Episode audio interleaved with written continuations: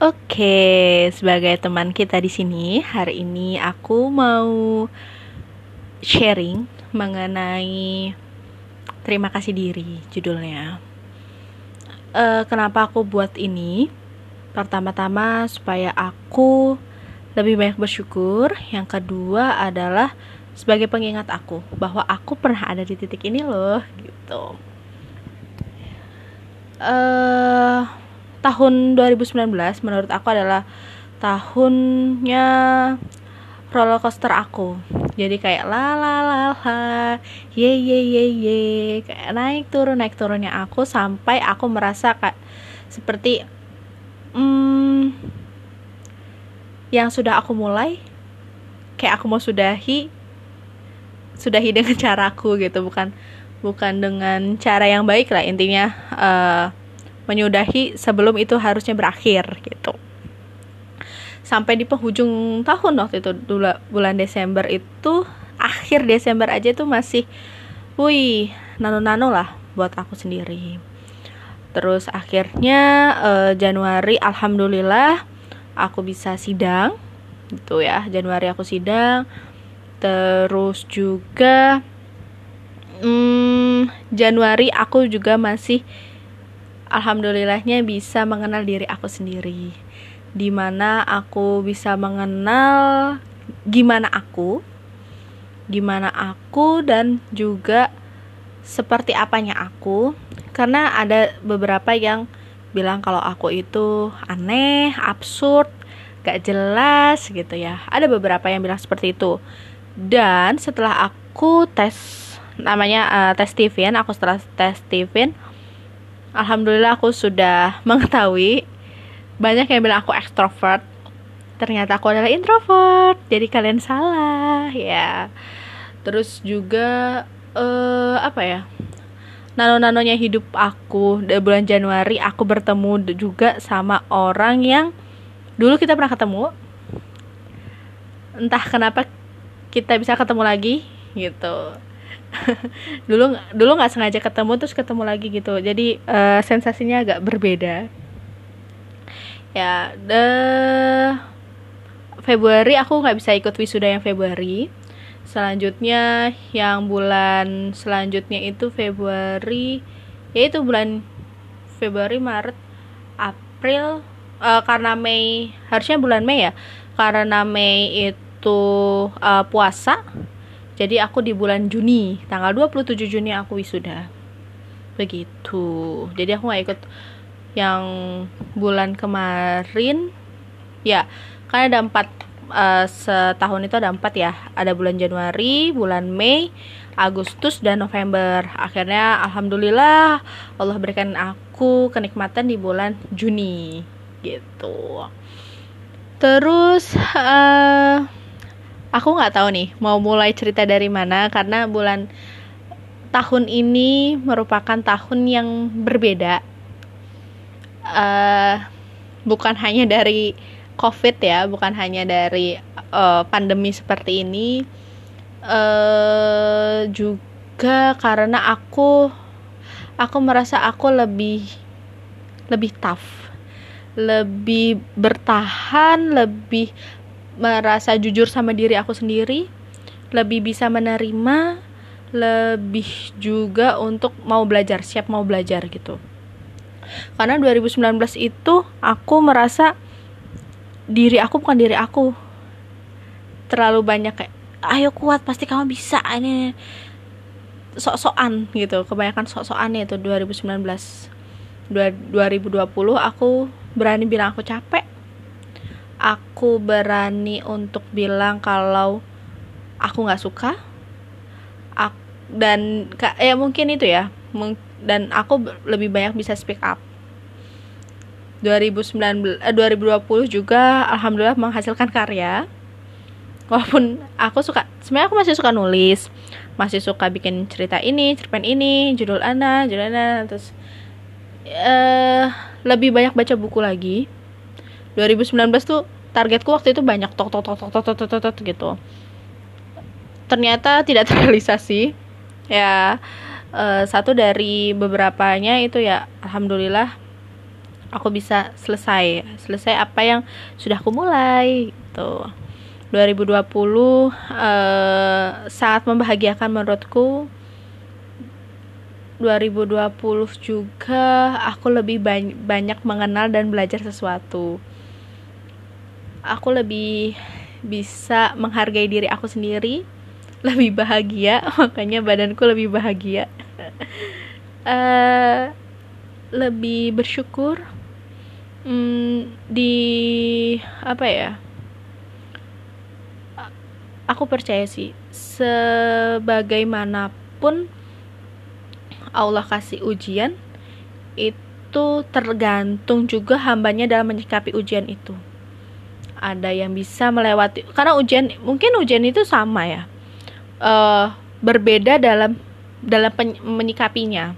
Misalnya begini ujian kita sama ada UN 2020 uh, paket tapi cara menyikapinya berbeda. Ada yang pakai jalur A pakai jalur B Z E F G gitu dan banyak banyak sekali.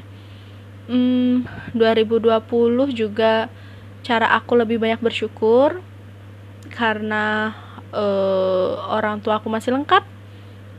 Terus masih aku juga ada ponakan baru ya kan? Uh, lebih menghargai hidup. Lebih tahu tujuan hidup mau ke mana mau ngapain gitu. Lebih banyak belajar karena uh, banyak referensi buku.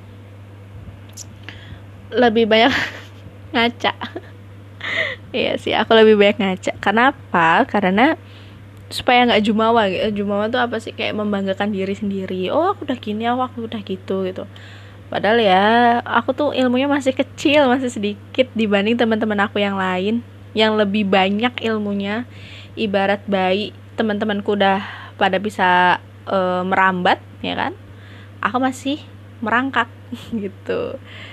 Uh, makasih juga yang sudah pernah hadir ya. Uh, walaupun aduh agak mau nangis sih ceritanya ini. Karena menurut aku ini ya setiap aku berdoa gitu ya Allah berilah aku pahala atas kekecewaan aku dan berilah aku pengganti yang lebih baik. Allah Allah hadirkan gitu hmm, Allah ganti yang lebih baik. Aku percaya selalu percaya begitu. Ibaratnya kita lagi ngegantung baju ya kan ngegantung baju gitu. Terus uh, kita pengennya nih bajunya warna ungu motifnya seperti ini ada garis-garis lurus ada titik-titik di tengahnya motifnya juga nggak begitu uh, uh, motifnya itu tetap looknya kelihatan bagus uh, keren looknya enak dilihat tapi nggak nggak bikin nggak bikin mengkerutkan dahi lah intinya. Tapi menurut kita tuh bagus. Tapi menurut Allah jangan jangan pakai yang kayak gitu. Nggak cocok sama sama badanmu gitu. Nih mendingan ini. Warnanya ungu tetapi ada sentuhan pink. Uh, garis-garisnya agak tebal sedikit jadi desainnya diperbarui gitu. Uh, yang menurut kita awalnya looknya adalah wah ini mah gue banget gitu. Jadi yang masya allah bisa bisa meleleh meleleh sendiri gitu. Dan doa itu yang sering dan tiap kali aku panjatkan ketika aku selesai sholat. Ya Allah berilah aku pahala atas kekecewaan aku dan berilah aku pengganti yang lebih baik doanya Ummu Salamah. Jadi uh, aku flashback sedikit cerita Ummu Salamah itu ketika beliau um, diting uh, apa suaminya itu meninggal. Suami beliau meninggal lalu beliau menjadi uh, beliau selesai masa idahnya. Lalu ada yang uh, melamar beliau ya tahu sendiri um kalau kita baca sirah ya sirah sahabiah itu Ummu Salamah tuh begitu punya visi misi tujuan cerdas gitu. Terus juga ya pokoknya nggak ecek-ecek lah. Ya namanya juga sahabiah ya gitu. Terus uh, punya standar punya standarnya. Sampai-sampai uh, ketika Ummu Salamah itu mau dilamar sama si A si B gitu. Aku lupa sih nama nama yang pernah melamar beliau itu siapa. Dan itu doa Ummu Salamah. Ya Allah berilah pahala atas kekecewaan hamba dan berilah hambamu ini pengganti yang lebih baik. Dan Allah mendatangkan siapa? Rasulullah Shallallahu Alaihi Wasallam. Ya Allah itu mah manusia terbaik sepanjang zaman lah gitu. Itu juga doa yang aku panjatkan ketika aku selesai sholat. Kenapa? Karena dari ilmu Steven nih yang aku pelajarin aku itu termasuk intuiting introvert. Uh, bisa kalian searching di Google atau kalian bisa pelajarin di Steven juga intuitive introvert. Banyak teman-temanku bilang bin kok kamu uh, introvert sih bukannya kamu ekstrovert ya. Kamu suka bersosialisasi ini itu lingkunganku yang membentuk seperti itu. Pada dasarnya aku itu termasuk orang yang introvert. Dan benar adanya. Jadi uh, aku bisa kepalaku nih di kepalaku isinya tuh idenya ini ini ini ini gitu. Tapi pas ngomong kadang bleberan. Uh, kurang lebih seperti itu terima kasih juga untuk teman-teman yang sudah mendukungku. Hmm, untuk ayah dan bunda juga yang suka japri aku. Suka curhat gitu. Karena aku tahu ya semakin banyak orang yang curhat sama aku semakin aku merasa bersyukur dan semakin aku bisa bermanfaat untuk orang lain. Yang aku pengenkan itu aku bisa bermanfaatkan aku bisa bermanfaat untuk orang lain. Ya terserah lah ya orang lain mau manfaatin aku karena itu kan balik lagi ke dia. Misalnya gini orang lain mau manfaatin aku awalnya adalah uh, bin minta tolong kayak gini gini dong gitu. udah dikerjain terus tapi misalnya ya misalnya dia tidak bilang terima kasih itu walaupun hanya sekedar sepele menurut orang lain tapi itu bisa berdampak lebih bagi orang lain juga. Jadi orang jadi anak yang baik jadi orang yang baik supaya kita dapat yang baik gitu. Hmm, bulan apa Juni. Juni aku wah itu Juni bahagia sekali ya. Aku wisuda uh, di tengah pandemi dan itu pertama kalinya. Januari sorry aku ulangin lagi tadi Januari Februari itu aku sempet agak down karena nggak bisa ikut wisuda. Wisuda langsung ya itu wisuda langsung. Itu nggak bisa Januari Februari Maret. Maret April. Oh Februari Maret itu aku masih bayaran. Iya dong aku masih bayaran. Harusnya aku tidak bayaran tapi aku masih bayaran karena apa? Karena aku belum menyelesaikan beberapa persyaratan. Jadi aku belum bisa bebas biaya lah intinya seperti itu. Kayak itu nangis juga sih itu. Januari Februari Maret April April itu uh, April itu oh aku lagi banyak-banyak revisi-revisi ya April. Mei itu udah daftar-daftar wisuda sudah juga senengnya senengnya dia di aku itu adalah ketika aku bisa bisa ngebantu teman-teman yang lain. Jadi ketika uh, aku punya grup yang namanya lupa aku. Siap wisuda pas semangat wisuda ya? Aku lupa deh grupnya itu. Jadi ada grup angkatan aku dan grup di LDK di angkatan aku lah intinya begitu. Nah di sana aku uh, ngelihat kayak ayo dong apa nih yang apa yang bisa dibantu? gitu. Tapi kalau mohon maaf kalau bahasa Arab saya tidak bisa gitu. Tidak bisa pada waktu itu ya karena uh, uh, bahasa Arab aku tuh hanya sedikit dan itu dasar waktu SMA doang gitu. Tahu sendiri SMA aku SMA negeri jadi tidak tidak lancar lah aku bahasa Arab. Gitu. nah, selanjutnya bulan Mei sedih juga. Kenapa? Karena nggak bisa itikaf. Ya itu itu sedih sih. Biasanya dan doa tiap tahun ya aku ya Allah semoga ini itikaf aku bisa punya temen gitu. Uh, karena gini aku kalau itikaf itu kalau misalnya rombongan aku pasti ngobrol. Aku pasti ngobrol.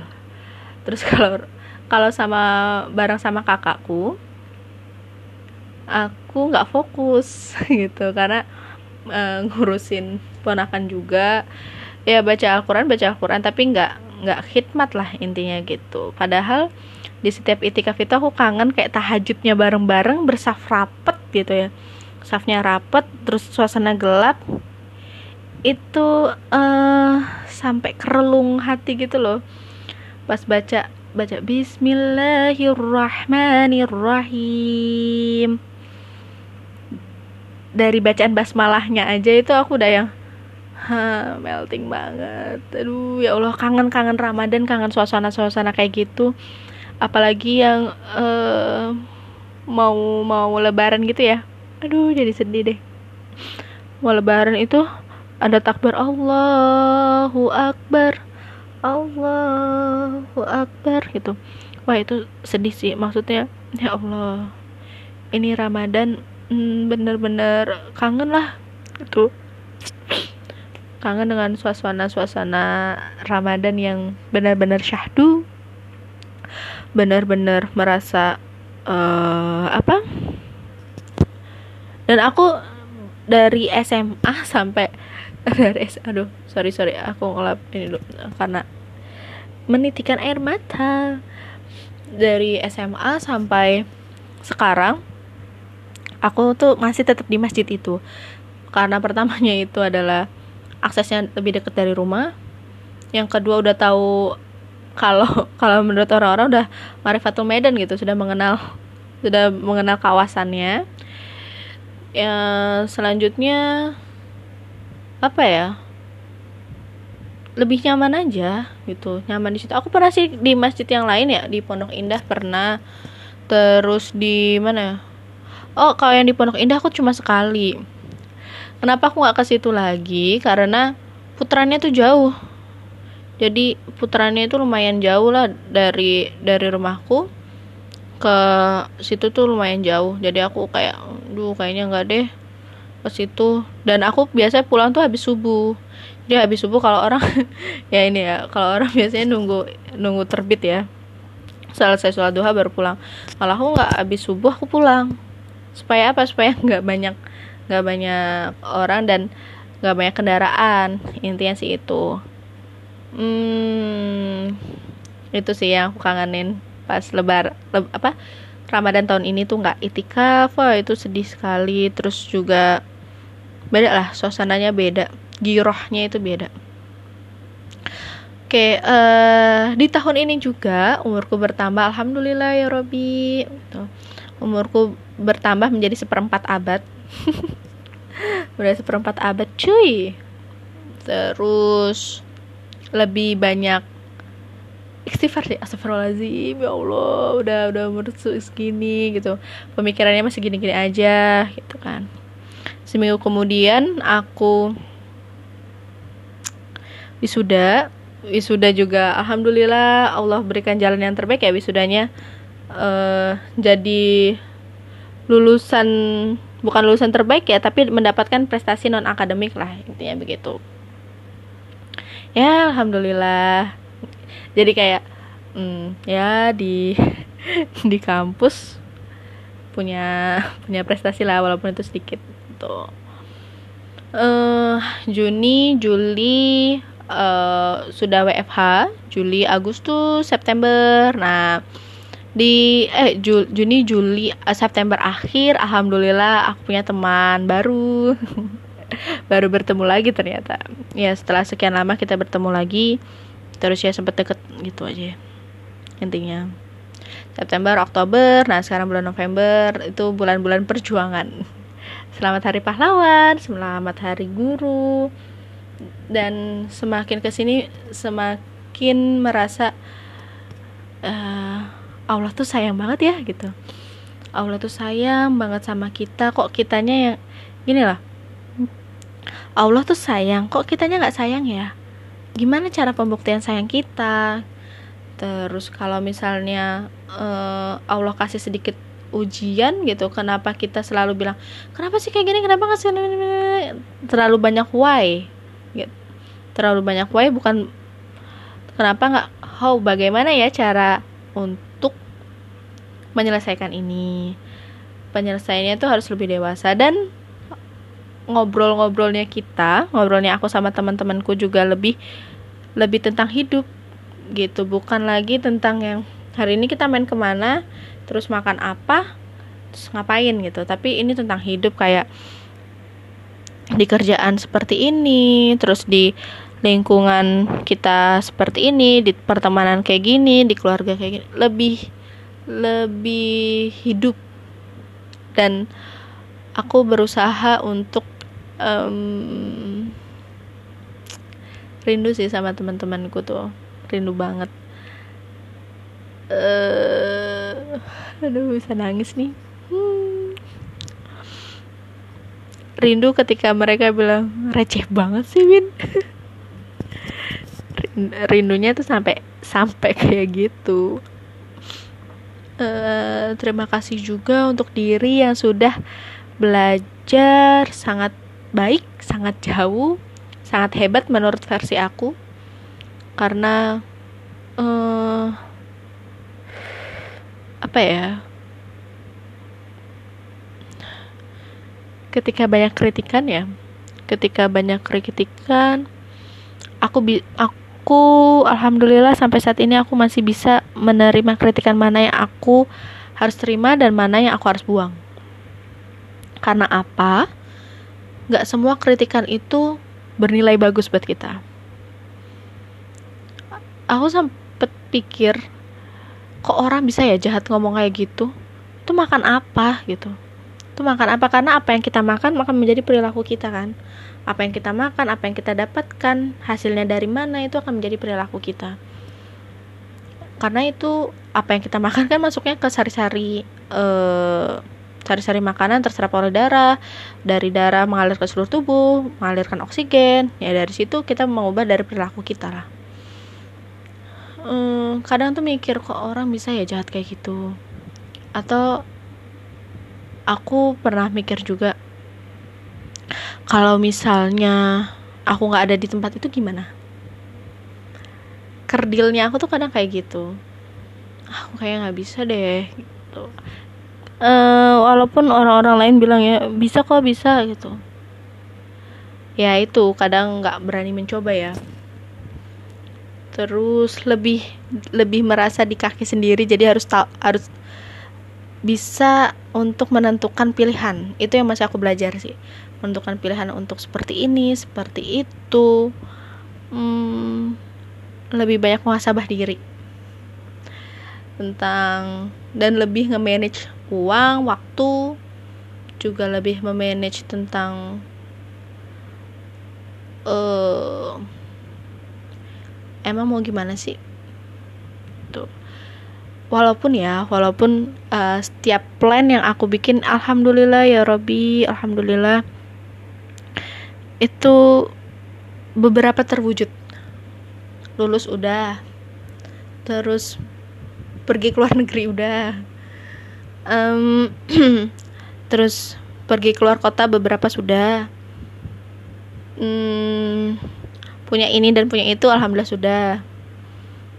Ya memang ada beberapa yang belum ya. Memang ada beberapa yang belum. Tapi ya, insya Allah lah. Insya Allah Allah segerakan keinginan mohon doanya ya teman-teman semuanya. Semoga Allah dekatkan apa yang jauh lah. Dan memang karena aku percaya gini. Rezekiku rezeki kita semua walaupun itu sebulir padi sekecil nasi itu akan menjadi rezeki kita kalau memang itu rezeki kita. Jadi iri sama orang lain itu emang ada? Aku akuin itu iri sama orang lain ada dengki sama orang lain itu ada. Tapi bagaimana kita meminimalisir itu dan mengubahnya ke bentuk energi yang lain menjadi kita lebih positif positive thinking juga lebih membuat kita termotivasi lah. Kok dia bisa sih? Kita gimana ya caranya untuk bukan nanya lagi kenapa ya aku kayak gitu? Tapi kita ubah tuh pertanyaan kita menjadi bagaimana ya caranya supaya seperti itu? Oh berarti kita harus seperti ini seperti ini. Dan percayalah setiap orang tuh punya unik keunikannya masing-masing punya rezekinya masing-masing dan punya ujiannya masing-masing. Tapi ingat semuanya itu sama menyikapinya saja yang berbeda. Begitu. Hmm, aku kalau ditanya tentang bin uh, kapan ngebuka hati terus kenapa nggak ini kenapa nggak itu. Duh ini pertanyaan ada ada waktu itu aku pernah uh, dapat pertanyaan seperti itu. Terus aku bilang kalau aku bisa nulis tulisan welcome mungkin aku tulis. Aku tidak menutup diri bagi siapa pun. Aku juga uh, tidak apa ya tidak membatasi. Selama selama itu baik ya berteman berteman aja. Gitu. Tapi memang ada beberapa hal yang prinsipil ya. Ketika udah nanyain persoalan-persoalan yang prinsip dan pribadi aku nggak bisa. Gitu. Aku nggak bisa. Aku termasuk yang nggak bisa nggak nggak mentolerir itu hmm, kenapa sih Bin tulisannya itu berjuang bersama-sama? Oke okay, aku aku jelasin. Jadi gini menurutku ketika kita nih kita semua berada di dalam suatu tujuan yang sama visi yang sama misi yang sama ya kita kan harus berjuangnya bareng-bareng. Nggak mungkin hanya salah satu pihak aja yang berjuang ya kan? Nggak mungkin uh, misalnya gini dalam suatu keluarga orang tua pengennya kita pinter.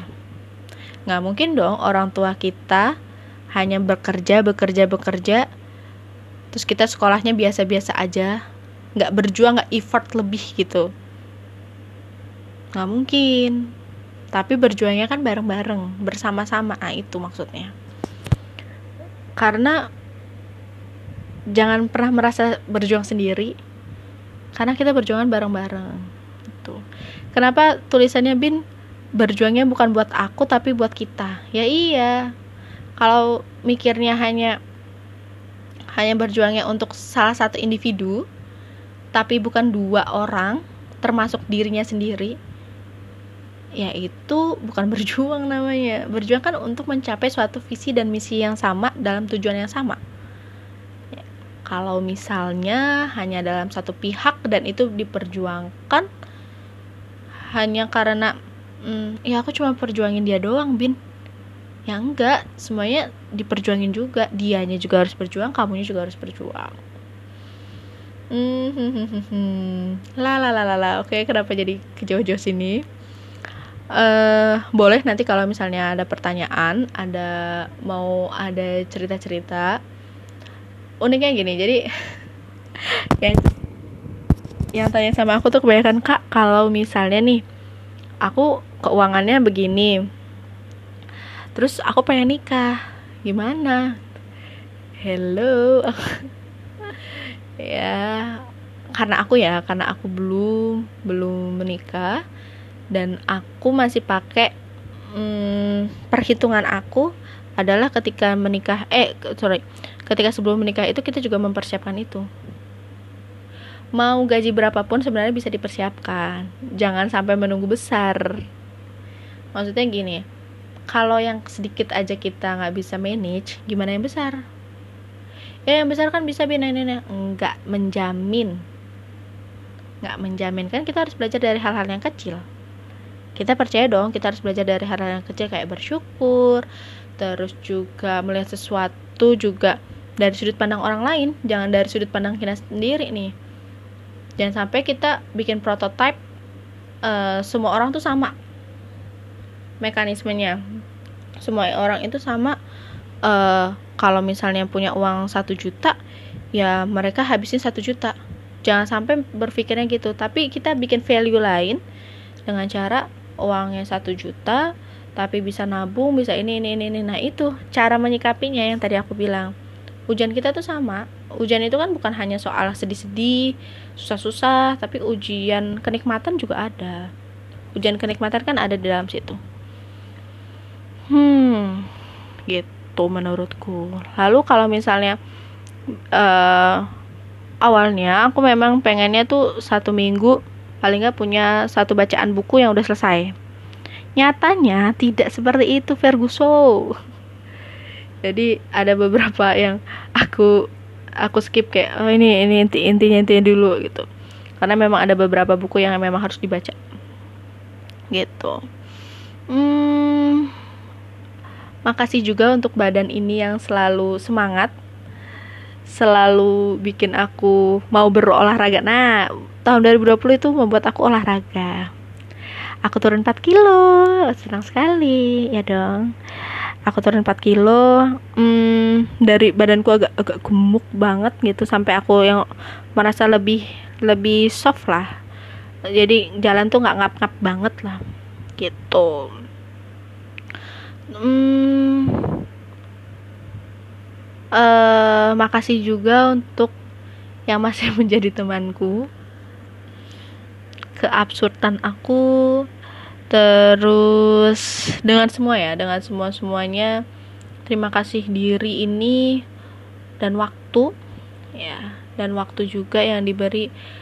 Karena uh, aku sebenarnya masih belum bisa membedakan antara sibuk dan produktif. Jadi kalau aku baca beberapa buku eh bukan bukan buku aku be membaca beberapa post di Instagram gitu ya uh, sibuk dan produktif itu berbeda. Kalau sibuk itu dia nggak bisa manage waktu tapi kalau misalnya produktif itu bisa manage waktu kalau sibuk itu selalu bilang iya kalau produktif itu bisa mengatakan tidak. Nah itu aku masih masih rancu di akunya sendiri masih belajar. Hmm, juga terima kasih untuk yang selalu menemaniku di setiap hari-hariku terima kasih juga buat untuk keluarga terima kasih juga untuk gimana sih bahasanya Terima kasih juga untuk diri ini yang nggak letih untuk belajar, yang masih mau untuk tough pasang badan ketika uh, ketika yang lain milih mundur, tapi aku tetap maju. Ketika apa ya? Ketika hmm, aku, aku inget deh ada ada salah satu teman di di apa di kerjaanku bilang kamu tuh sabar banget. No.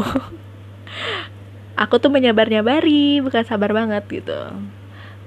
Karena aku mikirnya gini di dalam suatu organisasi di mana pun itu yang namanya profesional itu harus kita junjung tinggi kan. Kita mungkin pernah karena aku belajar di organisasi uh, waktu pas di SMA itu semarah-marahnya aku sekesal-keselnya aku sama pribadi seseorang. Tapi untuk pro urusan profesional atau setelah ruangan ini selesai kita masih teman. Gitu. Selesaikan dulu. Kalau misalnya belum selesai ya udah. Ya memang harus profesional. Ntar juga luntur sendiri. Ntar juga mereda sendiri. Nggak usah uh, kalau aku mikirnya gini nggak usah terlalu bilang enggak pokoknya aku pengen lupain aku pengen kayak gini ini ini ini ini. Itu malah nyakitin diri sendiri. Tapi perlahan aja memang butuh waktu kok. Memang butuh waktu udah. Memang butuh waktu. Dan sabar itu kan tiada berujung. Sabar tiada berujung ikhlas tiada terbatas. Ya. Itu adalah biodata aku di Instagram. Uh, mimpiku emang banyak. Dan mimpiku memang banyak. Tujuan hidupku juga ada beberapa yang memang harus nggak bisa sendirian lah. Intinya nggak bisa sendiri. Uh, memang butuh partner. Butuh kawan dan teman bercerita juga. Makanya aku membuat podcast ini.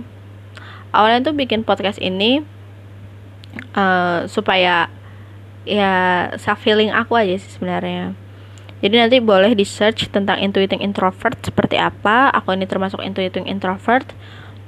Dan introvert itu bukan sebag, seperti orang yang gak mau ansos gitu. Gak juga. Dia mau kok, kan tergantung lingkungannya juga.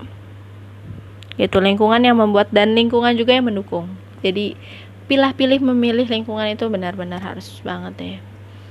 Hmm, kalau dulu sakit hati aku bisa nangis berhari-hari gitu. Kalau sekarang sakit hati ya cukup udah hari itu selesai. Nggak yang meraung-raung. Karena mikirnya ya kalau misalnya sama manusia terus ya akan kecewa. Sama Allah aja serahin. Kayak nggak uh, sorry seperti nggak percaya ada Allah gitu kalau misalnya kita tuh terlalu berlarut-larut dalam kesedihan. Damai sama diri sendiri aja. Waktu kok nanti yang yang akan menjawabnya dan Allah akan selalu membimbing kita kalaupun kita berdoa ya. Banyak-banyak doa banyak-banyak istighfar gitu. Hmm, oke okay, itu aja untuk terima kasih diri. Semoga teman-teman bisa ngambil manfaatnya supaya efek dominonya itu tuh bisa dek, dek, dek, dek, bisa bagus lah baik gitu. Yang buruk-buruknya jangan diikutin. Tapi cukup tahu cukup menjadi bahan perenungan dan tidak perlu ditiru gitu. Jadi berani memilih berani menentukan semoga kita menjadi pribadi yang lebih baik dan sehat selalu. Terima kasih diri